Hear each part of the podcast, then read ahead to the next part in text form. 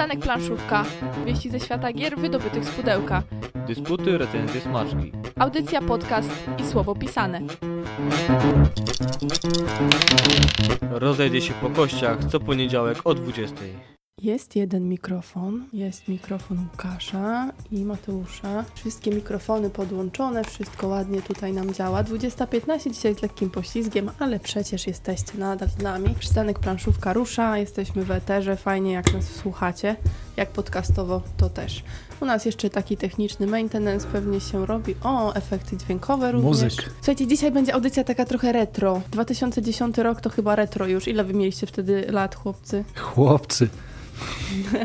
Panowie. Ja nie wiem, czy wtedy jakoś magisterki nie broniłem, czy coś.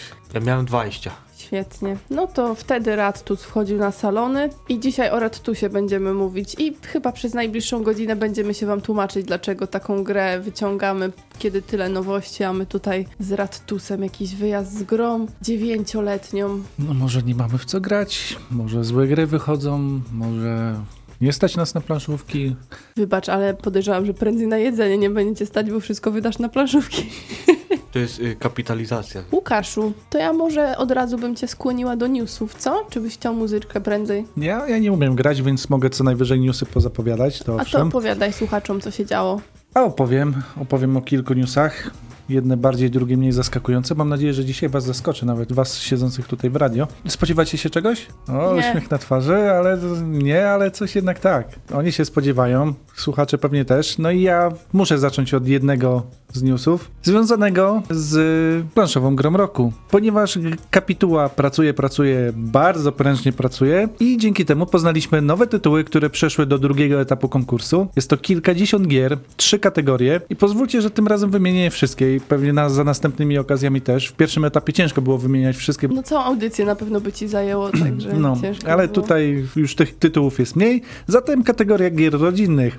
Azul, Bolidy, Brzdęk, Chatka z Piernika, Choinka, Dekrypto, Czarna Bandera, Dochodzenie, Fotosynteza, Gizmo z Górą i Dołem, Hero Realms, Paperback, Edycja Polska, Sagrada, Szarlatani z Pasikurowic, Ubongo 3D i Zamek Smoków. Kategoria gier dla dzieci, ale Cyrk, Czarodziejski Labirynt, Grajeczka Jamniki, Kariba, Katamino, Koncept Kids Zwierzaki, Król Popiel, Little Big Fish, My Little Sight, Park Dinozaurów, Paszczaki, Patchwork Express, Pingwin na lodzie i Ślimaki to mięczaki. Wreszcie kategoria zaawansowana Eonsen, Altiplan, Anachrony Coimbra, Deadman, Tell No Tells. Będzie też Detektyw Kryminalna Gra Planszowa, Ganges, Gugon, Ainish, e, Klany Kaledonii, Kroniki Zbrodni, Lords of Hellas, Puraj, Gaia, Pulsar, Rising Sun i Santa Maria. Powiem tak, Anachron.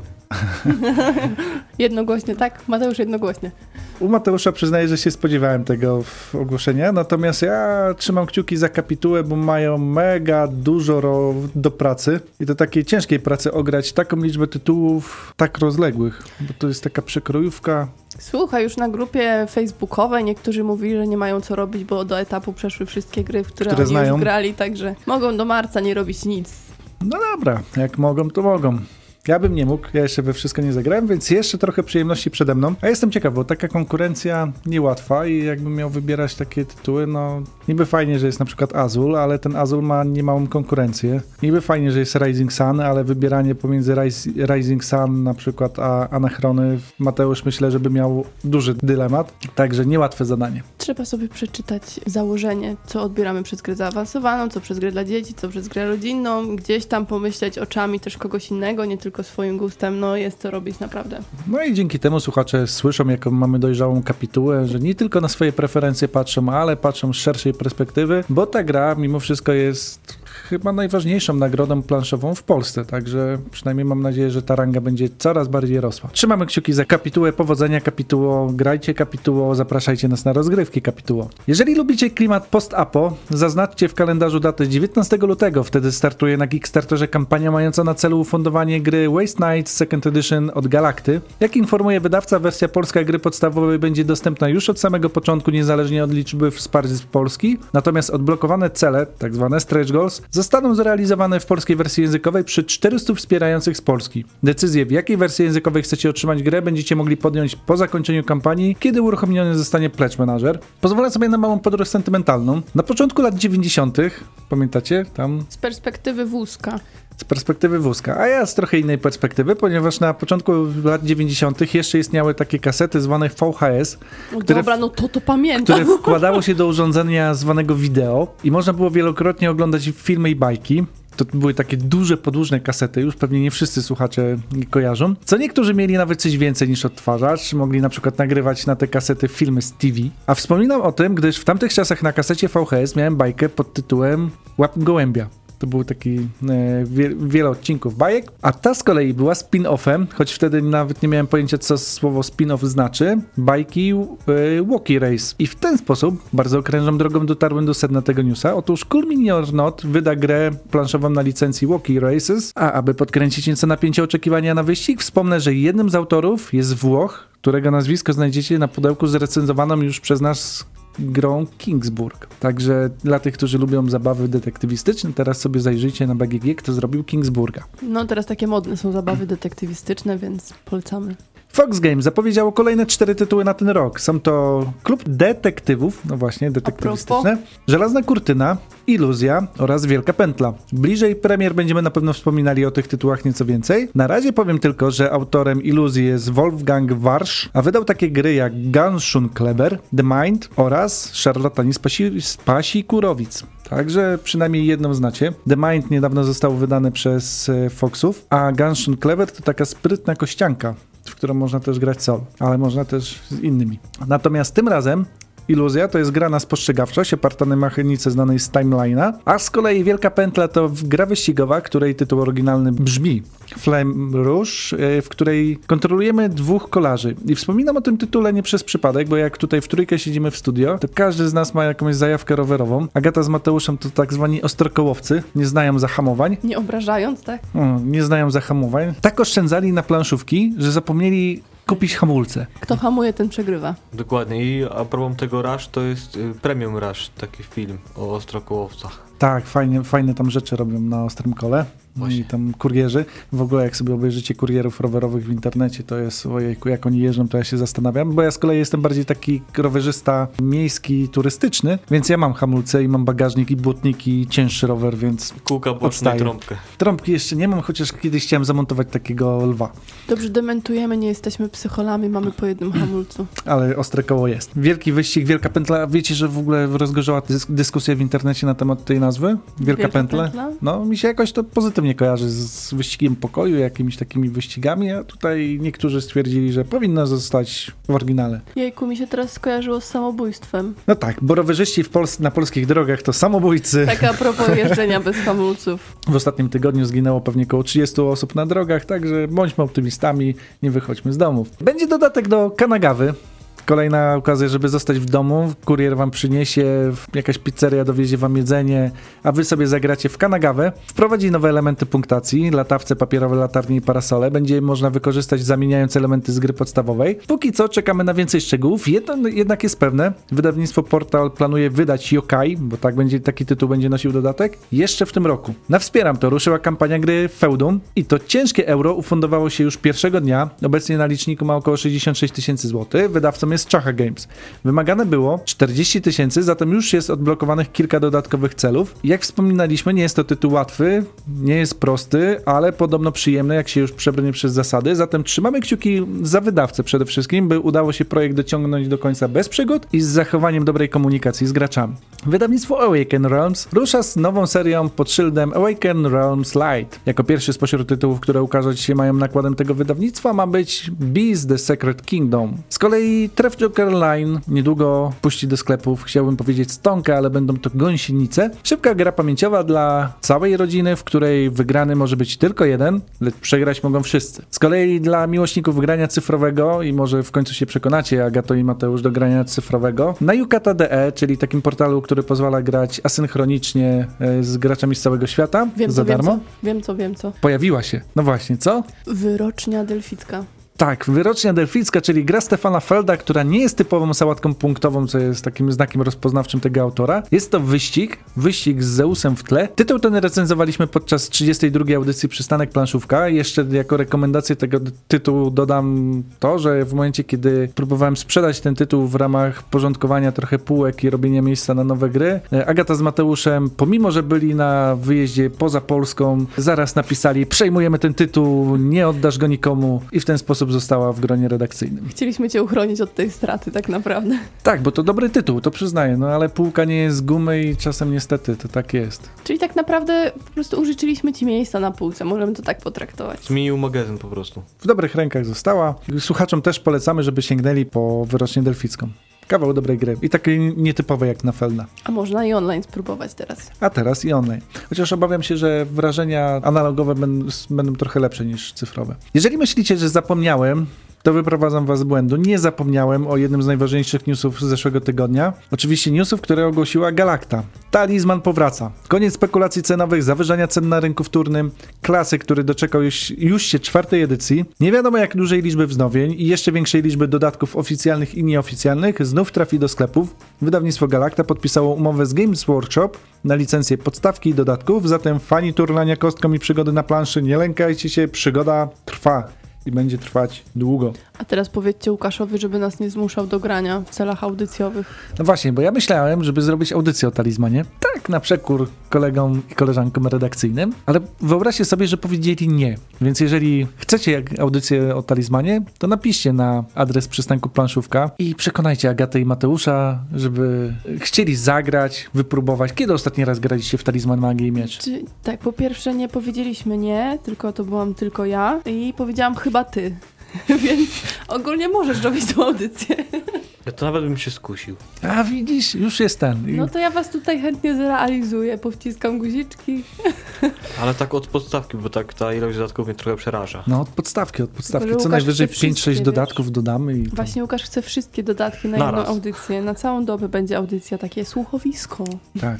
Kulnąłem kostką, poszedłem w prawo. Kulnąłem kostką, pokonałem potwora. Kulnij kostką teraz i ty. Ale dość złośliwości, talizman to już klasyk, a skoro już o talizmanie, o turlaniu kostką, to news, który osobiście mnie bardzo zaskoczył.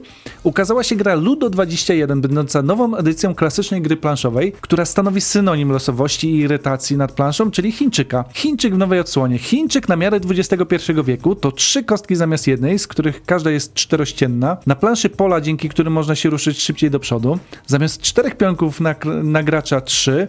Wersja czteropionkowa ma się jeszcze ukazać w przyszłości. Duża 36 na 36 cm ekologiczna i wodoodporna plansza z wymiennymi zawiasami w przypadku przedarcia na połowę. Nie posiada wad charakterystycznych dla typowych plansz kartonowych. Zatem jeżeli zaintrygował Was ten opis, na YouTubie znajdziecie przykładową rozgrywkę, opis zmian względem pierwowzoru. Ludo 21, gra w której wygrywa umysł, a nie przypadek, jest do kupienia na stronie sklep21.pl. Brzmi jak gra, która nigdy się nie zepsuje. Oby mechaniki też nie miała popsutej. Ale tak, no właśnie, tak w- widziałem tą planszę, to, to naprawdę wygląda jak skomplikowana strategia. Trzy kostki, którymi turlacie, każda czterościenna.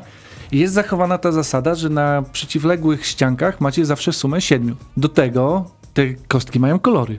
I musicie wybrać, którego koloru kostką ruszacie. Do tego jest ileś tam zasad jeszcze dodatkowych. Może na setną audycję. Z kolei nawiązując do poprzedniej audycji, trzewiki ruszają w świat i będą wędrować, aż im się buty rozejdą. A nawet jeżeli trochę krócej, to na pewno do sześciu miast zawitają. Zatem spodziewajcie się trzewików północy w centrum gier Pegas 11 lutego, czyli dokładnie za tydzień, w godzinach 17 do 19. W Bibliotece Elbląskiej 12 lutego, w Cybermachinie Gdańsk 13, 13 także w Graciarni Gdańsk, 14 w Igranie w Lochu, 15 Gildia Rycerska Klub Gier Planszowych i 16 Geekon. Zajrzyjcie na 20.portalgames.pl, tam więcej informacji na temat y, wielkiej pielgrzymki Trzewików po północy, to znaczy po północy Polski. Tam też więcej informacji o 20-leciu portalu, między innymi wszystkie informacje o wszystkich grach, które wydali, o gadżetach, które przy okazji można też nabyć i różne takie dziwne rzeczy, między innymi vlog rusza, więc już można oglądać z tego co widziałem pierwszy odcinek. A na koniec suchar. Tak, będzie dzisiaj suchar od planszowych sucharów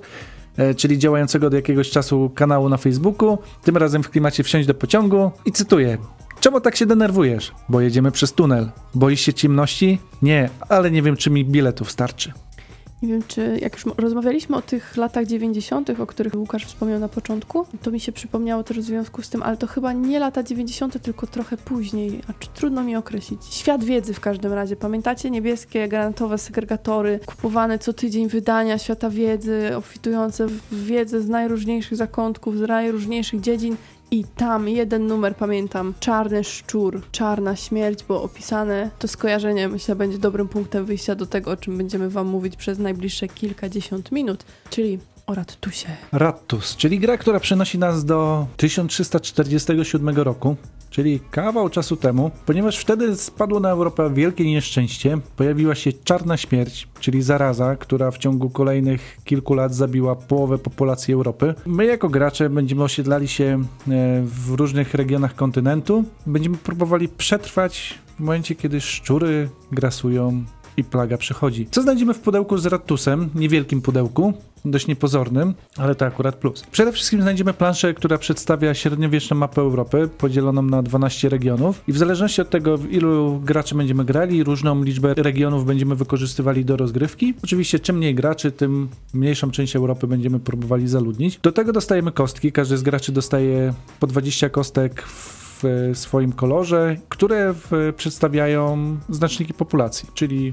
naszych mieszkańców. Są też e, żetony szczurów i to dwa rodzaje. Po pierwsze żetony startowe, one są taką charakterystyczną fioletową obwódką e, oznaczone oraz 49 zwykłych żetonów szczurów i 6 stanów, czyli 6 postaci, ról, w które będziemy mogli się wcielać, a na koniec jeszcze jest żeton zarazy. Przygotowanie rozgrywki jest bardzo proste, szybkie. Rozkładamy szczury startowe, e, w zależności od tego, w ilu e, graczy gramy. Część żetonów e, nie pojawi się na początku na planszy. W każdym wykorzystywanym regionie pojawia się po jednym szczurze. Rozkładamy karty postaci obok planszy i każdy z graczy rozkłada najpierw dwie e, kostki populacji w wybranym przez siebie regionie, potem w kierunku przeciwnym do wskazówek zegara kolejne dwie. Wykładamy pionek zarazy, możemy rozpocząć rozgrywkę. Rozgrywka opiera się na turach, a każda tura jest podzielona na trzy takie fazy. W swojej turze przede wszystkim możemy dobrać karty stanów. To jest nie, nieobowiązkowe. Na początku gry dobieramy karty stanów z ogólnej puli, która jest wystawiona przy planszy. Potem możemy je podbierać innym graczom. W trakcie rozgrywki możemy dobrać jedną kartę stanu na rundę. Ewentualnie jak nie chcemy, to tą fazę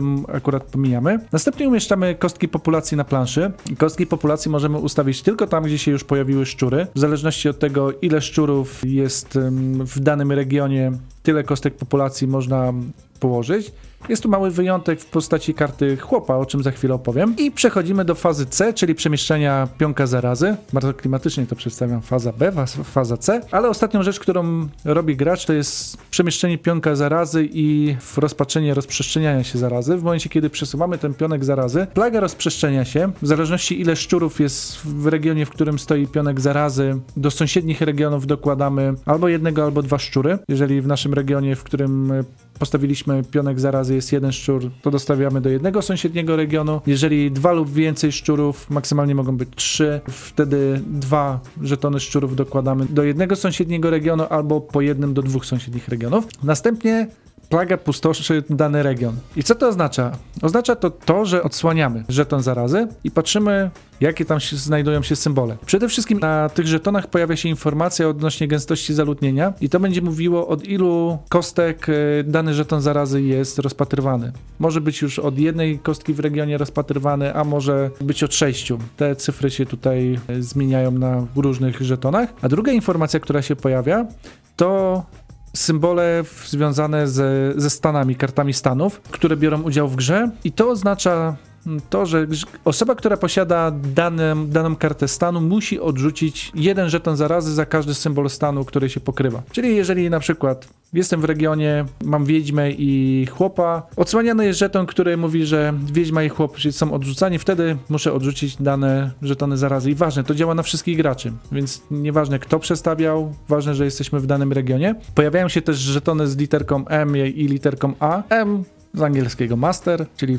ten, kto ma najwięcej kostek w danym regionie musi odrzucić za każdą literkę M jeden żeton, A jak all, czyli wszyscy. Każdy, kto jest w regionie odrzuca żeton zarazy. I tak gramy dopóty, dopóki nie zostanie spełniony przynajmniej jeden z warunków końca gry. Gra kończy się w momencie, kiedy skończy się zapas żetonów szczurów, albo na końcu tury jakiś z graczy ma wyło- wyłożone wszystkie e, kostki populacji. To się dzieje rzadziej, częściej się kończą te szczury i wtedy jest rozgrywana ostatnia tura, w której już e, nie można podbierać innym graczom nowych e, kart stanów. Wykorzystuje się jeszcze właściwości kart, które posiadamy, a potem w całej Europie wybucha zaraza, czyli każdy region po regionie e, jest rozpatrywany, jeżeli chodzi o zarazę. No i wspomniałem o kartach stanów. I to na razie brzmi tajemniczo, a w podstawowej wersji mamy 6 kart stanów. Jest to król, mnich, rycerz, chłop, kupiec i wiedźma. I każda z tych postaci ma swoje specyficzne działanie. Dzięki tej postaci możemy wykonać określoną akcję. Jeżeli będziemy posiadali kilka postaci w swojej turze, możemy wykonać kilka akcji. I na przykład król pom- pozwala nam z regionu, w którym nie ma żadnego żetonu zarazy, przełożyć swoją kostkę do zamku. Na planszy mamy narysowany też e, rejon zamku i tam nasza populacja jest bezpieczna. Końca gry już nie będą mogły być z tamtego zamku usunięte żetony. Z kolei mnich nam wymodlić łaski, pozwala na przesunięcie jednego żetonu szczura do innego regionu sąsiadującego. Chłopi, e, dzięki chłopom w, w fazie, kiedy dokładamy żetony z populacji, możemy dołożyć o jedną kostkę więcej. Dlaczego to jest ważne? To pozwala nam kłaść kostki także do pustych regionów, bo tak jak wspomniałem, żeby położyć kostkę w danym regionie musi być przynajmniej jeden żeton szczura, a chłop może położyć kostkę także na pustym regionie. Wiedźma pozwala podejrzeć dwa żetony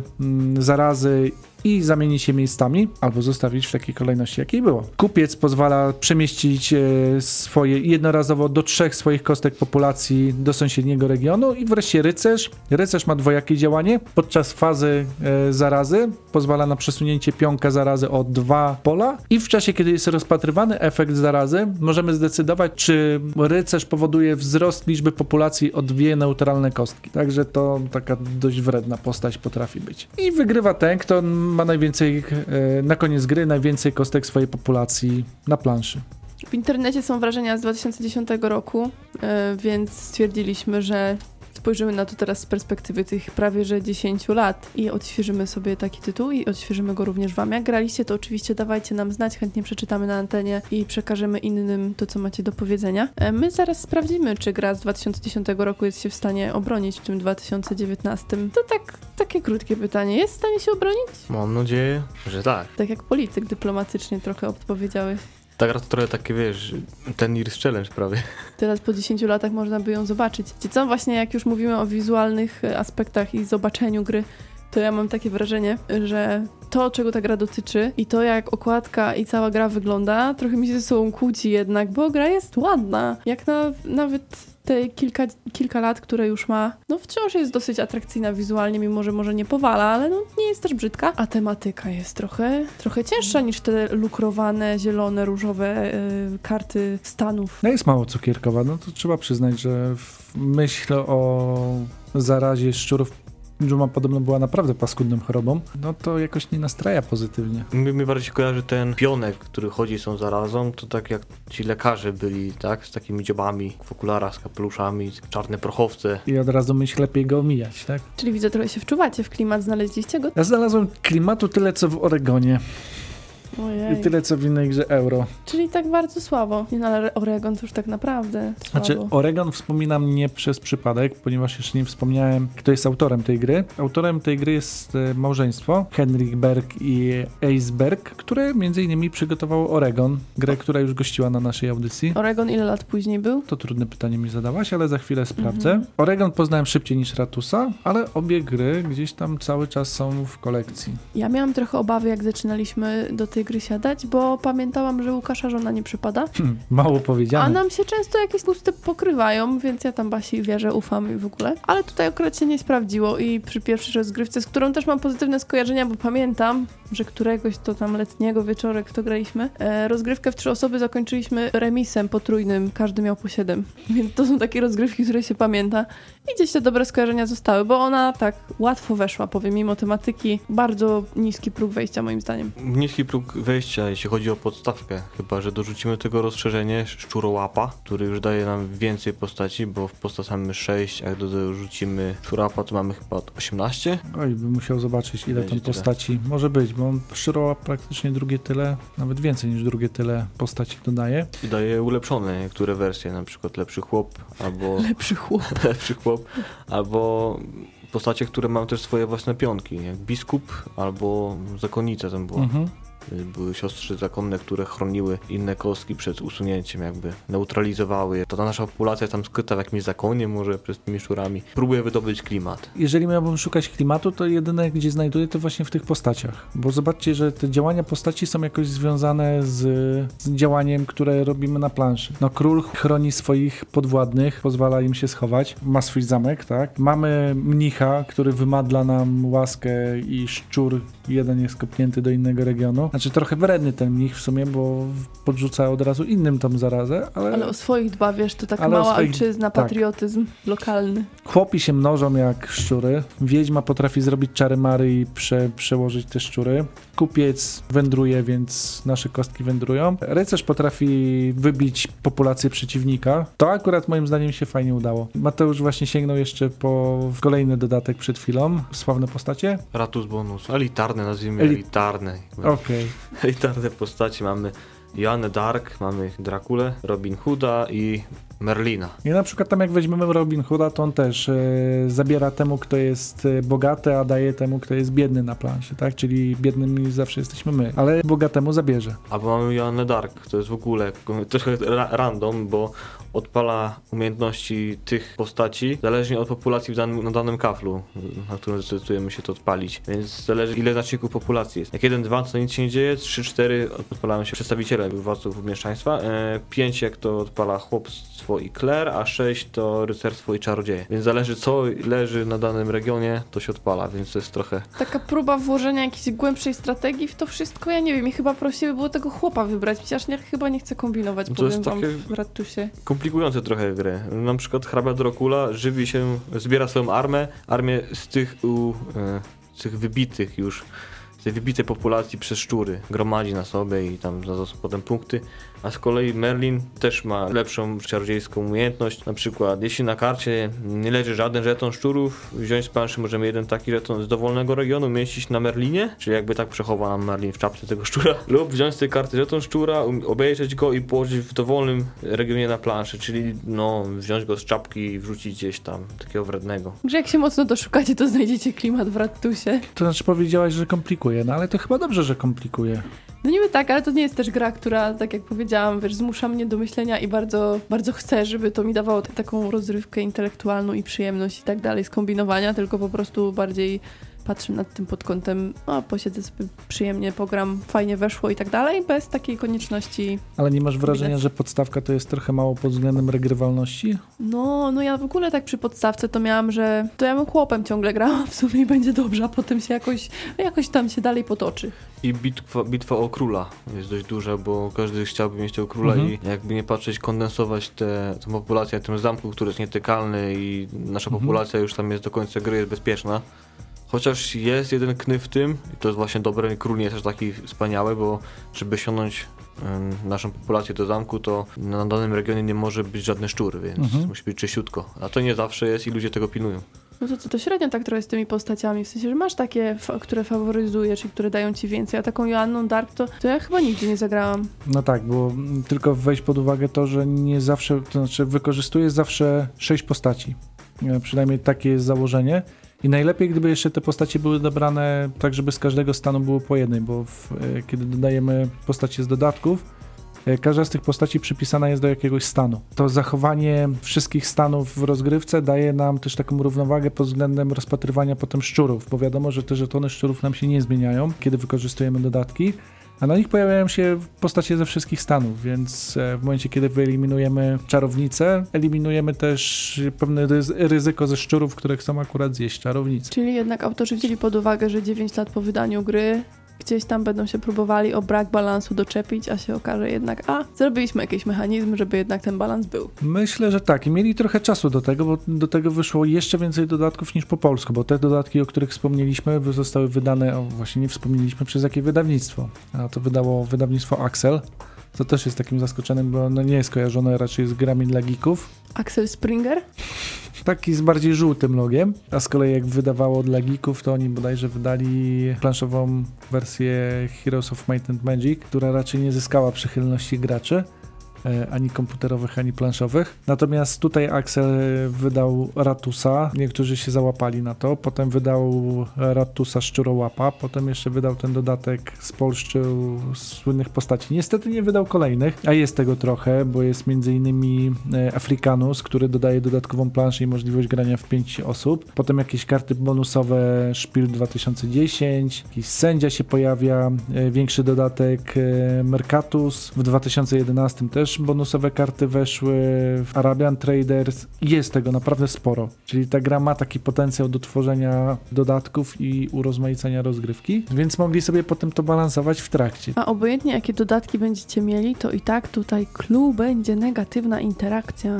No, Zgadzacie w grze się? Family Okej. No tu jak najbardziej, wiadomo, trzeba szczury gonić tam, gdzie nas nie ma. Ale czasami jest też tak, że chcemy komuś zrobić kuku, a się okazuje, że samemu sobie też zrobimy, jak te żetony są potem rozpatrywane. To zależy też jakie mamy postacie w garści, no bo na przykład mamy zakonnicy, możemy swoje obronić i zdetonować, na przykład te szczury u nas. No trudno, żeby w sumie w, tak, w grze, która traktuje o dżumie, o zarazie, nie było negatywnej interakcji. No przecież nie będziemy brali na siebie tych szczurów.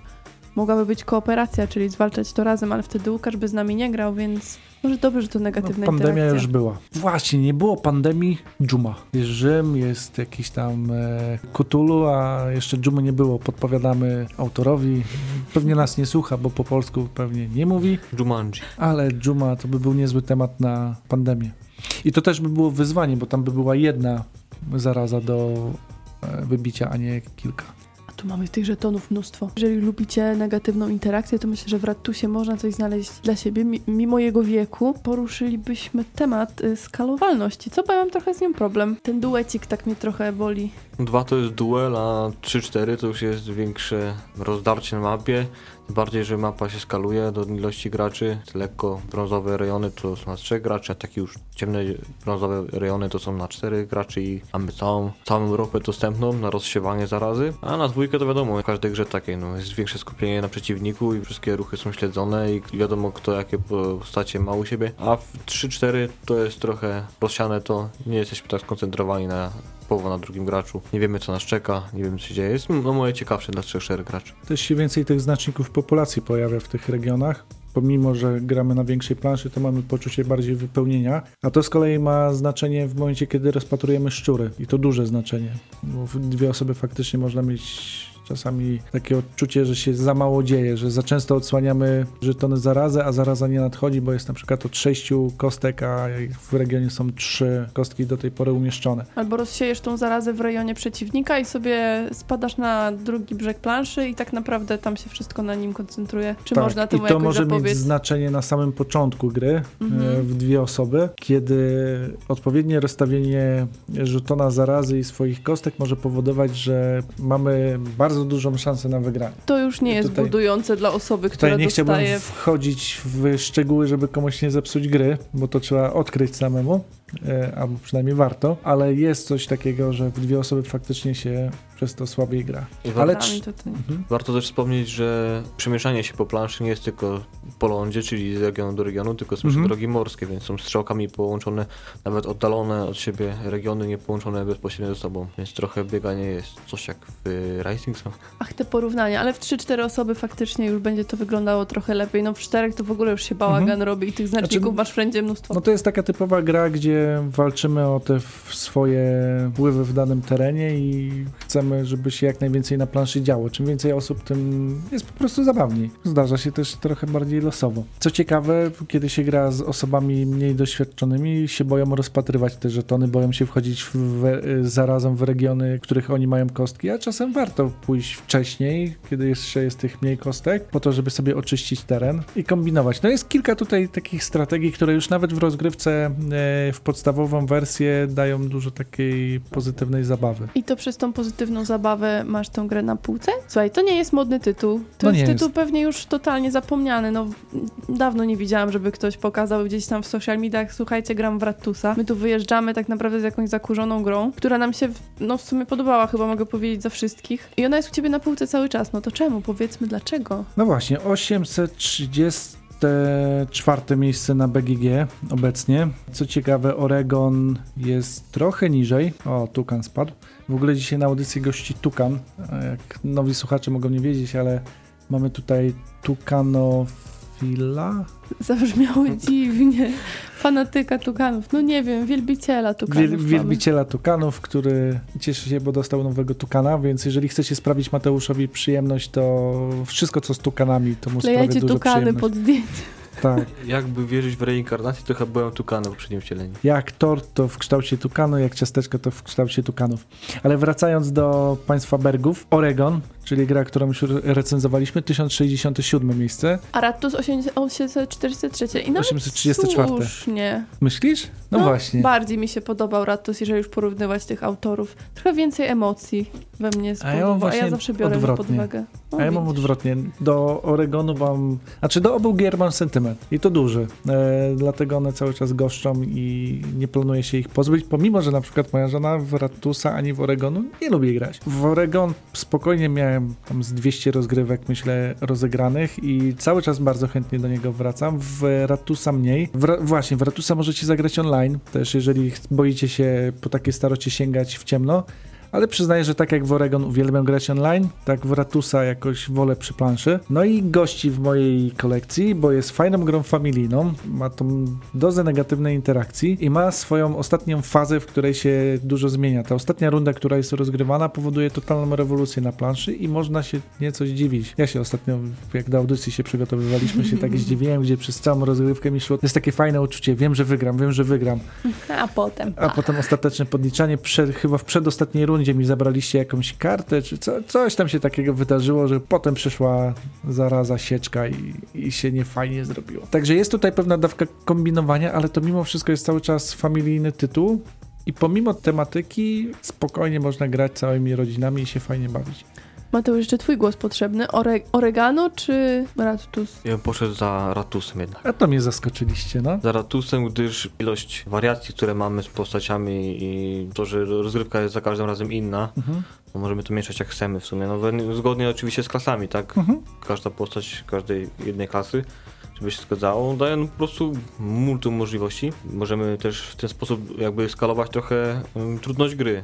Jak wiadomo, gramy z kimś początkującym, weźmiemy jakieś prostsze do Mhm. zrozumienia postacie, które robią takie bardziej oczywiste akcje, a jak chcemy tak, sobie bo- rozmaicić, to takich może tych legendarnych dorzucić bohaterów. Bo faktycznie, tak jak mówisz, w podstawce są te prostsze postacie. One są bardzo łatwe do nauczenia. Intuicyjne bardzo. Tak, a kiedy mamy Robin Hooda, no to już trzeba gdzieś tam sobie to w głowie przewertować za pierwszym razem, jak to działa, tak? Te, te symbole sobie bardziej wytłumaczyć.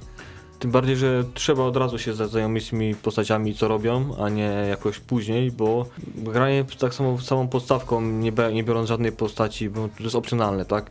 Mogą leżeć na górze Mhm. planszy i nie gracze mogą so, sobie po prostu zabrać te postacie, które Mhm. chcą, a my nie musimy żadnej postaci brać, my możemy grać z samą podstawką, czyli rzucać populację, poruszać tylko tym piątkiem Mhm. zarazy i to wszystko, więc to by było bardzo nudne. A wiesz, że były takie zarzuty, gdzieś tam na BGG się spotkałem odnośnie tego, nawet autorzy się wypowiadali, że wbrew pozorom gra była na tyle testowana, że ta gra na niebranie postaci przy graczach, którzy umiejętnie wykorzystają postacie, no raczej prowadzi do przegranej. Aczkolwiek no trzeba uwagę. uważać, e, bo to też jest taki syndrom gracza, który pierwszy raz gra, że chciałby wszystko tymi, bo każda z postać ma coś fajnego w sobie, tak? No, no prawie, ja na przykład nie lubię Wiedźmy, ona jakoś najmniej mnie przekonuje, ale tu mnich, kupiec, e, do tego jeszcze król, to wszystko fajnie można skombować, ale w momencie, kiedy przychodzi zaraza, no to wtedy mamy większe prawdopodobieństwo utraty populacji. To jest za coś, większa moc, mm, większe koszta. Jak słyszycie, coś z Rattusa dobrego można wyciągnąć, jakąś rozgrywkę,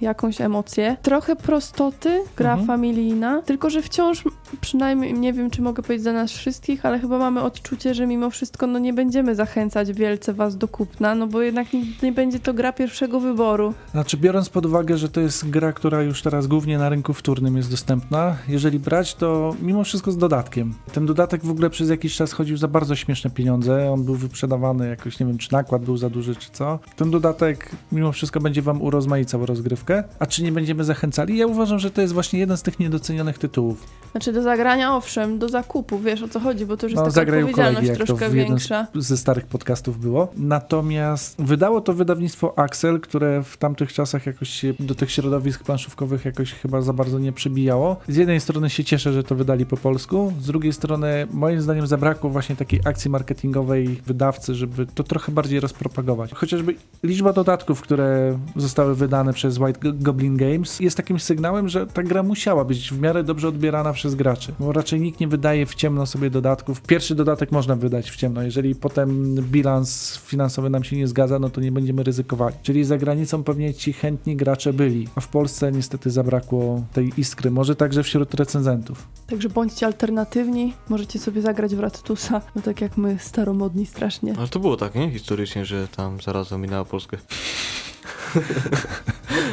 Okej, czyli jesteśmy odporni na tego typu gry. Zresztą Oregon też ominął Polskę. No.